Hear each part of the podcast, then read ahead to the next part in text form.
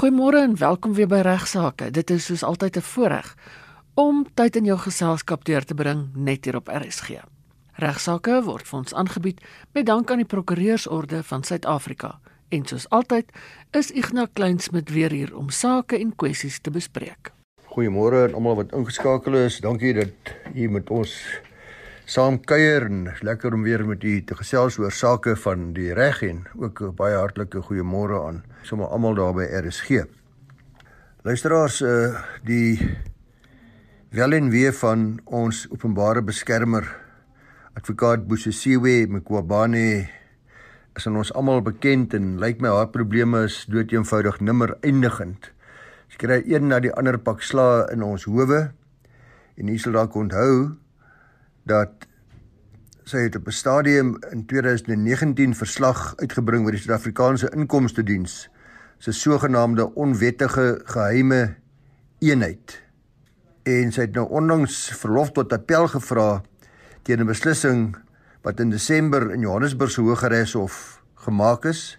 En daardie beslissing is daai verslag van haar geskraap en die hof het nog 'n redelike opspraakwekkende bevindinge gemaak wat baie media aandag geniet het. Onder andere het die hof die verslag beskryf as die produk van 'n irrasionele proses gestroop van enige grondwetlike of feitelike grondslag. Dis 'n vreeslike ding om te sê teen 'n senior regsgeleerde en wat ook dan 'n baie belangrike pos beklee. Terselfdertyd dis nou hier in begin eerste week van April, dieselfde tyd wat sy haar appel aansoek uh beslis is oor, is daar ook 'n komitee deur die parlement aangestel om finaal verslag te doen oor haar geskiktheid en sal hy mettertyd nog seker in hierdie jaar gestem word deur die parlement oor die vraag of sy kan aanbly as OB as onder openbare beskermer. Maar die hof het daaroor verskeie dinge uitgetrap. Onder andere is daar gesê dat sy haar belangrike kantoor misbruik of probeer gebruik het om fopnuus, propaganda fiksie wat lank reeds dood was, te laat herleef. Dit het nou gegaan oor die sogenaamde Rogue Unit.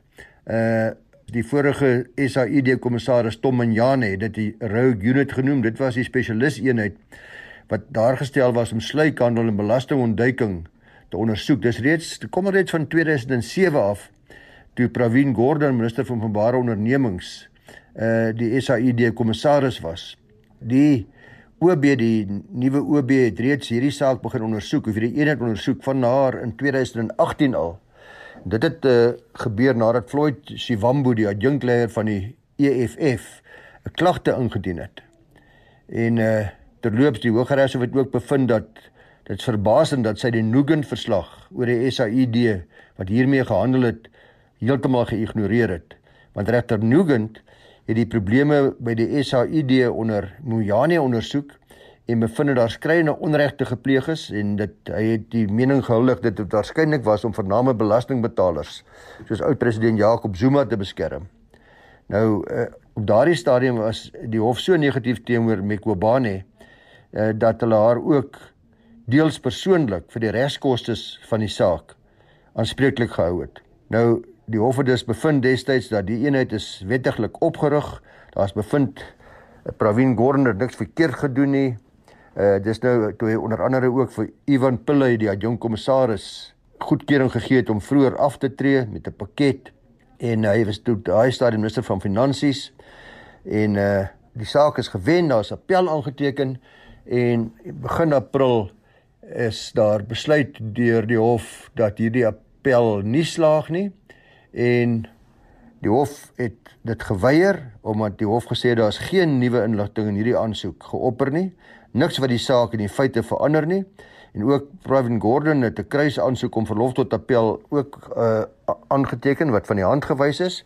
So die kruks van die saak is die openbare beskermer is gebind aan hierdie hofbevel. Dit staan sy moet daar daarby neerlê en dit die effek daarvan is dat haar 2019 verslag oor die Suid-Afrikaanse Inkomste Diens se sogenaamde onwettige geheime rou eenheid dat dit alles fopnuus is.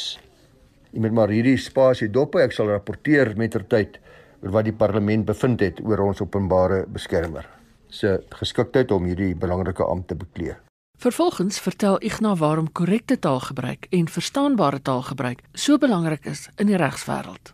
Ek het al met die talle hofsaake gedeel en bespreek waar dit duidelik blyk dat in die regswêreld is die presiese, die korrekte gebruik van taal van die uiterste belang.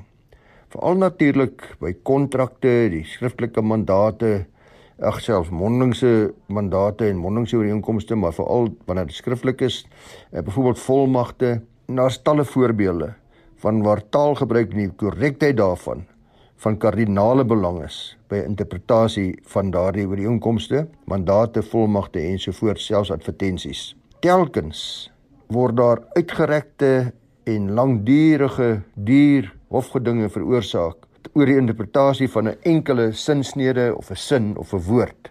In my tyd, luisteraars, dis nou baie jare gelede, was daar 'n volwaardige regsvak as deel van die LLB kurrikulum, naamlik uitleg van wette en ek kan vir u sê dat daardie vak het vir my in my loopbaan talle male in die praktyk tot voordeel gestrek.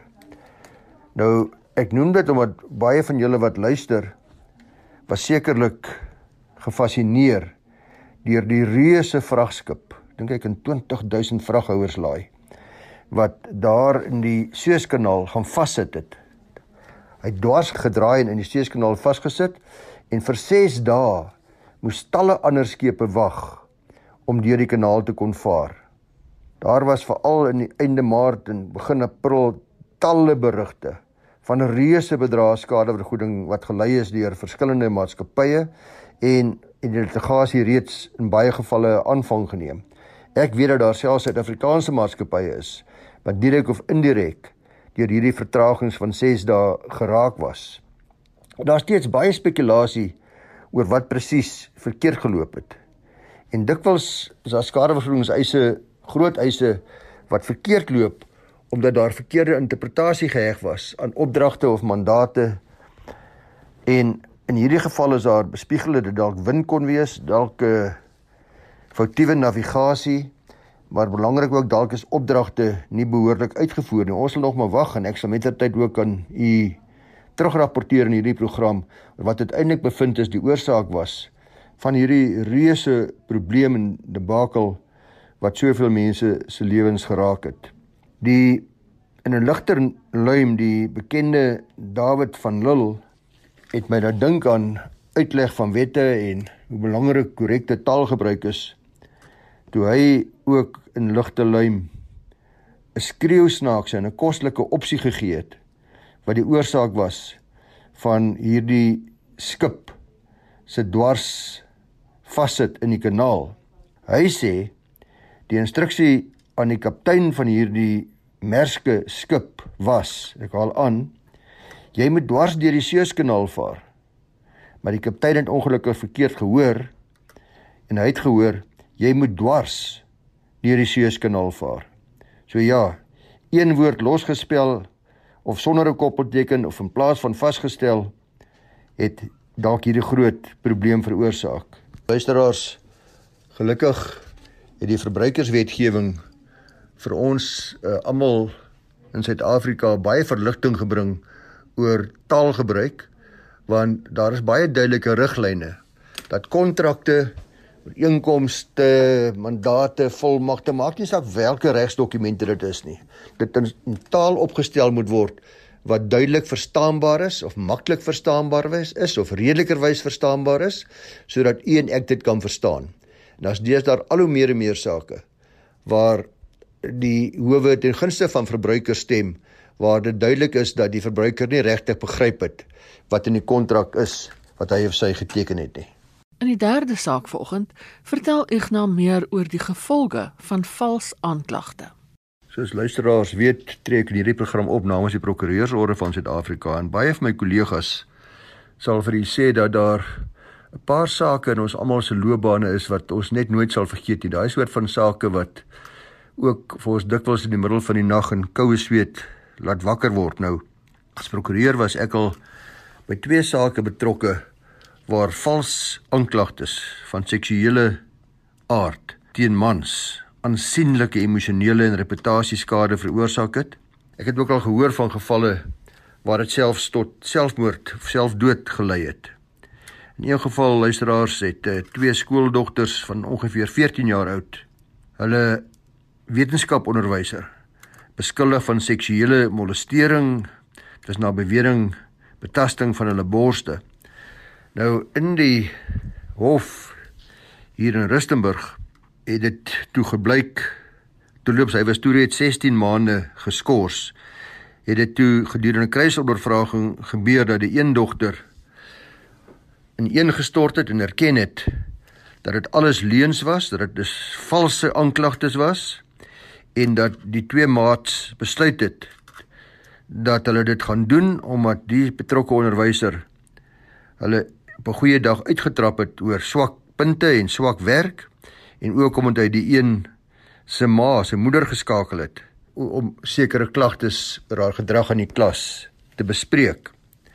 Nou ja, ek kan dink die skade, die emosionele skade, die reputasie skade, 18 maande die onderwyser, dink mens kom nie weer daardeur sonder dat daar merke oorbly dat dat mens geskend is vir die res van jou lewe nie. Want ook die ander ding natuurlik is baie van hierdie klagtes mense hangend aan die groot klok terwyl die, die aanklagte daar gemaak word, maar hulle hoor nie daarvan nie of vergeet baie gou daarvan dat hy onskuldig bevind is. So mens lewe saam met die klad dikwels. In ander gevalle my loopbaan en ek seker daar's baie kollegas wat baie meer hartverskeurende stories kan vertel. Uh Dit was dit weer 'n vrou in 'n eskerningsgeding uh waar ek vir die man opgetree het wat ter wille van 'n beter moontlike finansiële bedeling, huweliksgoedere bedeling uh beweer het dat sy geregtig is op meer as die helfte van die boedel as gevolg van sy wesenlike wangedrag en die wangedrag wat sy beweer het was dat hy hulle 5-jarige dogter gemolesteer het. Ook sy het 2 jaar na die beweringe en toe ons uiteindelik in die hof in Pretoria was is voor Mafikeng voor my King nog die Noordwesse Hogeres of was het sy ook in duie gestort en erken dat daardie beweringe vals was. Ek wil vandag ook 'n saak met u bespreek, 'n baie onlangse saak waarin 'n vrou in die warmwater beland het uh om dit ligtelik gestel oor 'n vals aanklag van verkrachting teen haar voormalige man. Die vrou het beweer dat sy deur haar eks verkrag was in haar huis al reeds hier op 18 September 2012. Dit was na bewering nadat hy haar met 'n draad op die kombuistafel vasgebind het en haar toe daar verkrag het. Tydens sy arrestasie het die man baie baie goeie bewyse getoon, duidelike bewyse getoon dat hy in 'n dolplek was teen tye van die aanval en hy is ook gewaar op die hotel waar hy daaraan oorgeslaap het. Sy beeldmateriaal, min of meer dieselfde tyd waar tydens die beweerde verkrachting plaasgevind het. Hy is nietemin daarna gearresteer en het 18 dae in aanhouding gebly voordat hy hierdie alibis behoorlik kon bewys. Die aanklag is wel egter 'n jaar later teen hom teruggetrek. Die man het hom toe 'n paar jaar na die arrestasie gewend tot die Hooggeregshof vir skadevergoeding teen sy eksvrou in die bedrag van 500 000 rand vir kwadwillige vervolging en laster. Hy het ook 'n aksie ingestel teen die minister van veiligheid en sekuriteit vir hierdie onregmatige arrestasie en ook 'n eis ingestel teen die nasionale vervolgingsgesag vir die onregmatige besluit om hom te vervolg.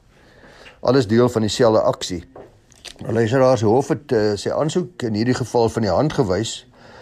Die eerste hof op grond dat sy eksvrou redelikerwys geglo het dat haar aanvaller die aan van die aanval inderdaad haar eksman was. Eh, want sy was inderdaad verkragt dis nie die, die verkrachting self was nie 'n 'n leuen nie. Is net die identiteit van die aanvaller wat sy geïdentifiseer het as haar man. Eh, omdat sy inderdaad volgens uh, die eerste hof dis nie kwadwillig was nie en sy geglo het redelikerwys bonafide geglo dis haar man. Die man het hom toe na die hoogste hof van appel gewend En die kwessies vir die hof was onder andere of sy vrou die animo in Jurandi gehad het, dis kan loswerk vertaal die die voorneme om om te na te kom of dit gehad het met hierdie klagtes of sy en dis belangrik sonder 'n redelike en waarskynlike gronde vir die kriminele klagtes en of daarna of die man se arrestasie en aanhouding onregmatig was. So was sy malafide, was sy bonafide, het sy redelike gronde gehad al dan nie. Die saak het selfs die Hoogste Hof van Appel verdeel. Daar's 5 appelhofregters en 3 van hierdie appelhofregters het bevind dat die vrou wel nie aanspreeklikheid vir haar dade kon ontsnap nie. Sy's dus wel aanspreeklik vir al en aggenome die gruwelike misdaad waarvan sy hom aangekla het sonder dat sy seker kon wees dat dit inderdaad hy was. Twee regters, die ander twee regters het ekter gevoel dat daar genoeg bewyse is dat sy eerlikwaar bonafide geglo dat hy haar aanvaller was, dat sy dus nie kwaadwillig opgetree het nie, maar soos ek sê, drie het besluit dat sy wel kwaadwillig was. Die twee wat haar wou kwytskeld, het veral ook in ag geneem dat die eksman voorheen by gesinsgeweld algeleentheid betrokke was en dat hierdie gesinsgeweld interdik ook oortree het tydens die egskeiding en haar ook mishandel het gedurende die huwelik. Daar was dus baie getuienis ook gelewer deur vriende van die paartjie oor die huislike lewe en wat alles daar gebeur het voor die egskeiding. Maar die hof het uiteindelik dus beslis met 'n meerderheidsstem van 3 teen 2 dat die Hooggeregs 'n fout gemaak het om nie die man se eis vir skadevergoeding teen sy eksvrou toe te staan nie en dit is beslis dat sy wel skadevergoeding aan hom moet betaal.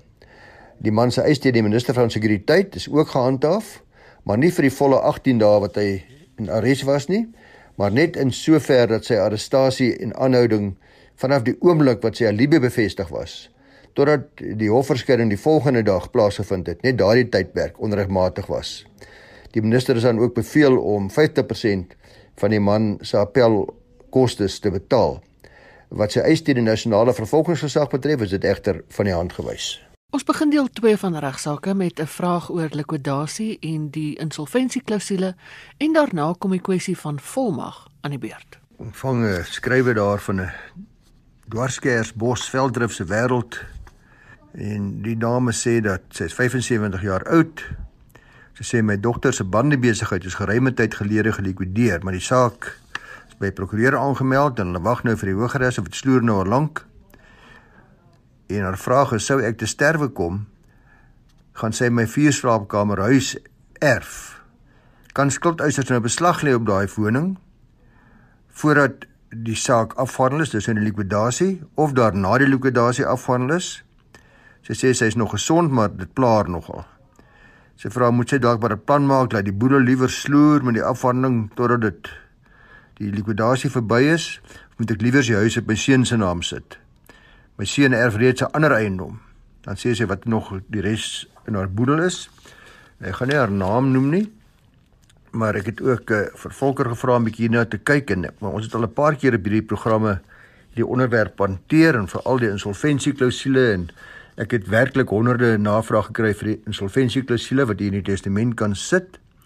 En die van u wat dit nog nie gedoen nie, kan maar weer vra dis by igna by vvd.co.za en dan stuur ek dit vir die aan in Afrikaans en in Engels. Maar is nogal snaaks dat as 'n mens in jou kantoor van met mense praat van so 'n klousule, dan dink hulle dikwels dis nie op hulle van toepassing nie. En dan skielik op 'n goeie dag dan gaan die besigheid van die kinders uh insolvent of word gelikwideer En as die testament dan nie vir 'n plan B voorsiening maak nie, is daar nogal 'n probleem en dan val die erfporsie van die erfgenaam dan in die insolvente boedel en skuld as ek sê dan die voordeel van daardie erfporsie. Nou dit wil hierdie dame wat skryf ook verhoed. Uh maak dus eers baie seker hierdie luisteraar dat u in die testamente insolvensieklausule het en uh ek gaan in elk geval vir u een aanstuur sodat u dit in die testament kan sit. Wat uh Volker dan ook byvoeg en dink dis heeltemal goed so is dat die luisteraars verwys na die dogter se bandeplek wat gelikwideer is, maar 'n regspersoon word nie word gelikwideer en dan natuurlik 'n word 'n gewone persoon 'n natuurlike persoon gesekwestreer. Dit klink dus asof hierdie bandeplek in 'n maatskappy was, 'n regspersoon was. Uh en as algemene reël is mens natuurlik in so 'n geval nie persoonlik aanspreeklik vir die skulde van die maatskappy nie. So u dogter is normaalweg nie aanspreeklik vir die skulde van die maatskappy in likwidasie nie, maar daar's uitsonderings soos byvoorbeeld as sy roekeloos handel gedryf het. So dit mag dus wees dat sy in elk geval kan erf, maar nietemin kan dit geen skade doen om al liewer sy insolvensieklausule in die testament te voeg om hierdie risiko te dek nie. En natuurlik hoop ek van harte dat u dit nie borg geteken vir u dogter se maatskappy nie. Ag asseblief weer eens almal wat luister, jy wat ouers is, ek weet ons is almal baie baie lief vir ons kinders. Maar wees tog baie versigtig en waaksaam en beskerm u aftreegeldjies en vir al die woonhuis. Moet dit nie 'n risiko plaas vir die kinders se besighede nie. Laat hulle maar liewer hulle eie potjies skrap op hulle eie tyd. Daar's geen haas om oornag skatryk te word met u geld as deel van die waagstuk en die risiko nie. Kathy Beson vra vraag wat ek al by geleentheid geantwoord het, maar dit kan nie genoeg beklemtoon word nie. Sy sê spesifiek as iemand in 'n koma gaan, wat staan die ander persoon te doen? Is daar iets soos 'n algemene power of attorney? Waar moet ek dit registreer? Dan sê sy iets mooi, sy sê ek sê verby is RSG en vir baie ander Jan Alleman se universiteit kan iemand dit dalk aanspreek. Die briefie is gerig aan Herman Stein en Herman het dit weer na my toe verwys. Nou luisteraars, soos ons al herhaling op die program gesê het, is dit ongelukkig so dat enige handelingsbevoegde persoon kan 'n algemene volmag teken en so 'n algemene volmag gee gee dan die volmaggewer aan die gevolmagtigde toestemming vir sekere regshandelinge soos in die volmag het ingesit uh wat die volmaggewer dan sou kon verrig. En dit word dan namens hom uitgevoer. Let egter daarop en dis belangrik en dis waar hierdie vraag nou weer ter sprake kom dat in Suid-Afrika verval die volmaggewer se mandaat aan die volmagnemer as die volmaggewer nie meer handelingsbevoeg is nie. In ander woorde byvoorbeeld as gevolg van demensie. Dis 'n algemene regtelike beginsel waar volgens 'n persoon nie meer bevoegdhede kan oordra as wat hy self besit nie. Maar wys Volker Kreer daarby van Velden Duffy die spesialiste op hierdie gebied ook daarop dat 'n sogenaamde enduring power of attorney, langdurige volmag bestaan bestaan wel in ander regstelsels. Uh maar by ons is dit nie moontlik nie. En by ons moet mense aansoek doen vir die aanstel van 'n kurator of 'n administrateur wat dan hierdie persoon wat nie meer handelingsbevoeg is se sake kan hanteer en daar's altyd heel wat regskoste daarbey betrokke. Miskien is dit tog tyd dat hierdie leemte in ons reg aangespreek word. En ek stem saam dat daar tog weer 'n slag hierna gekyk moet word deur ons wetgewers want 'n klompie jare terug was daar wel 'n regskommissie wat so 'n aanbeveling aan die parlement gemaak het maar nie ek of volker het ooit weer daarvan gehoor nie en hopelik is dit nog iewers in 'n proses en sal dit een of ander tyd weer die lig sien. Belangrik ook om daarop let luisteraars dat daar's baie gevalle waar maatskappye byvoorbeeld verteenwoordige volmag gee om namens die maatskappy sekere dinge te doen. Uh dis ook natuurlik belangrik nou in die COVID-19 pandemie tyd uh dat daar al meer en meer van sulke volmagte gebruik gemaak word. Uh 'n volmag is 'n dokument wat dan spesifiek nie 'n algemene volmag soos soos ons nou bespreek het is nie, maar dit gee dan aan hierdie agent of hierdie persoon namens die maatskappy opdrag om sekere handelinge te verrig namens die prinsipaal. So byvoorbeeld kan hy sê dat jy mag sekere dokumente namens ons teken of jy mag sekere onderhandelinge namens die maatskappy afhandel. Om om geldig te wees vir so 'n volmag, uh is nogal snaaks, baie mense besef dit nie, dit kan ook mondelings wees in baie gevalle. Behalwe as daar statutêre bepaling is wat sê dit moet spesifiek op skrif wees. Nou een so statutêre bepaling is natuurlik die Wet op Vervreemding van Grond van 1981 wat sê dat vir die vervreemding van grond sal dit slegs van krag wees van en effek hê as dit geteken is en ge, en in skrif is en geteken is deur al die partye daar toe en dat enige persoon wat namens iemand anders teken as verteenwoordiger dit slegs kan doen met skriftelike opdrag skriftelike magtiging. So luisteraars is ook belangrik om daarop let dat alhoewel dit baie keer nie streng regsvereiste is nie, is dit sonder twyfel maar die beste praktyk om altyd 'n skriftelike volmag te hê geteken deur twee getuies.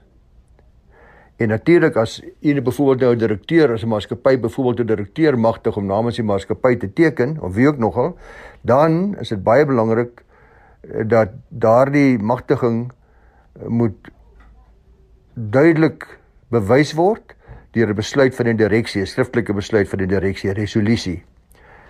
Wat is die effek van 'n ongeldige uh, volmag?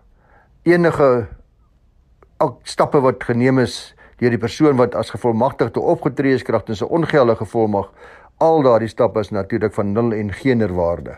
Byvoorbeeld waar daar vaslik voorgegee word dat jy gemagtig is om namens iemand anders op te tree, uh, dan natuurlik sal so 'n uh, volmag niks beteken nie. En ook in gevalle waar 'n skriftelike volmag nie vereiste is nie, maar 'n blote mondelike volmag genoegsaam is, is dit ook moontlik om gebonde te wees aan so 'n volmag waar die skyn geskep word deur jy wat na bewering die volmag gegee het dat daardie persoon wel namens jou mag handel. 'n Goeie voorbeeld is eienaarsagente bring mense na jou huis toe. Jy sê niks. Later weier jy om kommissie te betaal want jy sê nee, wat jy het nie aan hulle volmag gegee nie. Jou vrou het wel die mondelingse opdrag gegee, maar jy het nooit 'n mondelingse skriftelike mandaat gegee nie. Ek is jammer vir jou. In daardie geval gaan die skyn wat jy geskep het vir jou onspreeklik maak op die basis dat daar stilswygende volmag gegee is deur middel van jou gedrag.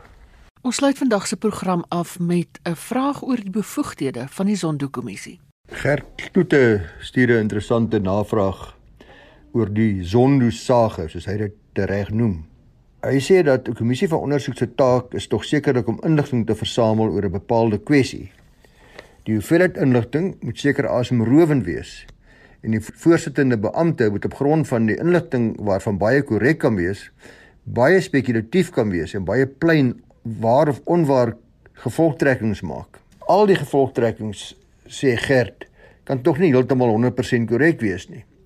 So in die Sonderkommissie se geval skryf hy veronderstel daar word bevind dat 'n amptenaar sê net maar 100 miljoen rand sou gekry het om 'n klip uit Gupta se pad te rol. En die amptenaar is heilig oortuig dat hy niks daarmee te doen gehad het nie. Of dat daar 'n verwarring van identiteit ontstaan het. Kan so amptenaar nie in die geval die saak hof toe neem op hersiening nie? Hy sê ek probeer besluit hoekom meneer Zuma so al starrig is oor sy verskyning as 'n dink hoofregter Zondo dan so bevooroordeel is teen hom. Hoekom kan hy nie al daardie vooroordeel liewers in 'n hof gaan pleit nie? Ek wonder maar net, want baie mense is mos so lief vir die hof. Nou Gert, dis goeie vrae en jy's 100% reg as jy sê kan so 'n amptenaar dan nie die geval hof toe vat op hersiening nie. Hierdie geval is dit nie hersiening nie, maar onthou die kommissie is nie 'n hof nie. Die Zondo-kommissie word deur die staatspresident daar gestel terloops in hierdie geval dieselfde staatspresident, oud staatspresident waarna u verwys wat die kommissie daar gestel het, oud president Zuma. Uh en die voorsitter is hier korrek, samel feite in, luister na baie getuienis en uiteindelik doen hy dan geen regterlike uitspraak nie. Nee, hy maak slegs aanbevelings. Die vraag of daar vervolging gaan wees al dan nie berus dus nie by die Zondo-kommissie self of by die adjunk hoofregter wat die voorsitter is nie. Nee. Dit word deur die relevante gesag oorweeg en dan word daar besluit of daar genoeg getuienis is om te vervolg en of die aanbevelings van die Zondo-kommissie dus na oorweging toegepas gaan word. As daar wel vervolg word, soos in uh Gert se voorbeeld, dan geld die normale strafregreëls. Naamlik die staat moet steeds die saak bo redelike twyfel bewys en die beskuldigde kan natuurlik onskuldig pleit en die normale verweere pleit. Dus u verwys na Zuma se weiering om te getuig.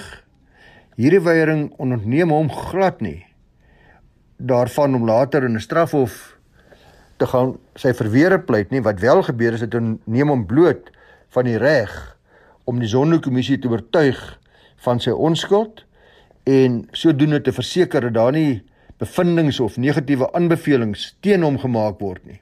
Die kans is dus uitstekend dat as iemand weier om te getuig dat hy of sy uiteindelik in 'n hof sal moet gaan verduidelik omdat die billike geleentheid wat aan hom of haar gegee is om te antwoord op beweringe deur ander getuies nie aangegryp is nie. En daarmee groet ek Ina Strydom en Ignas Kleinsmid tot volgende week.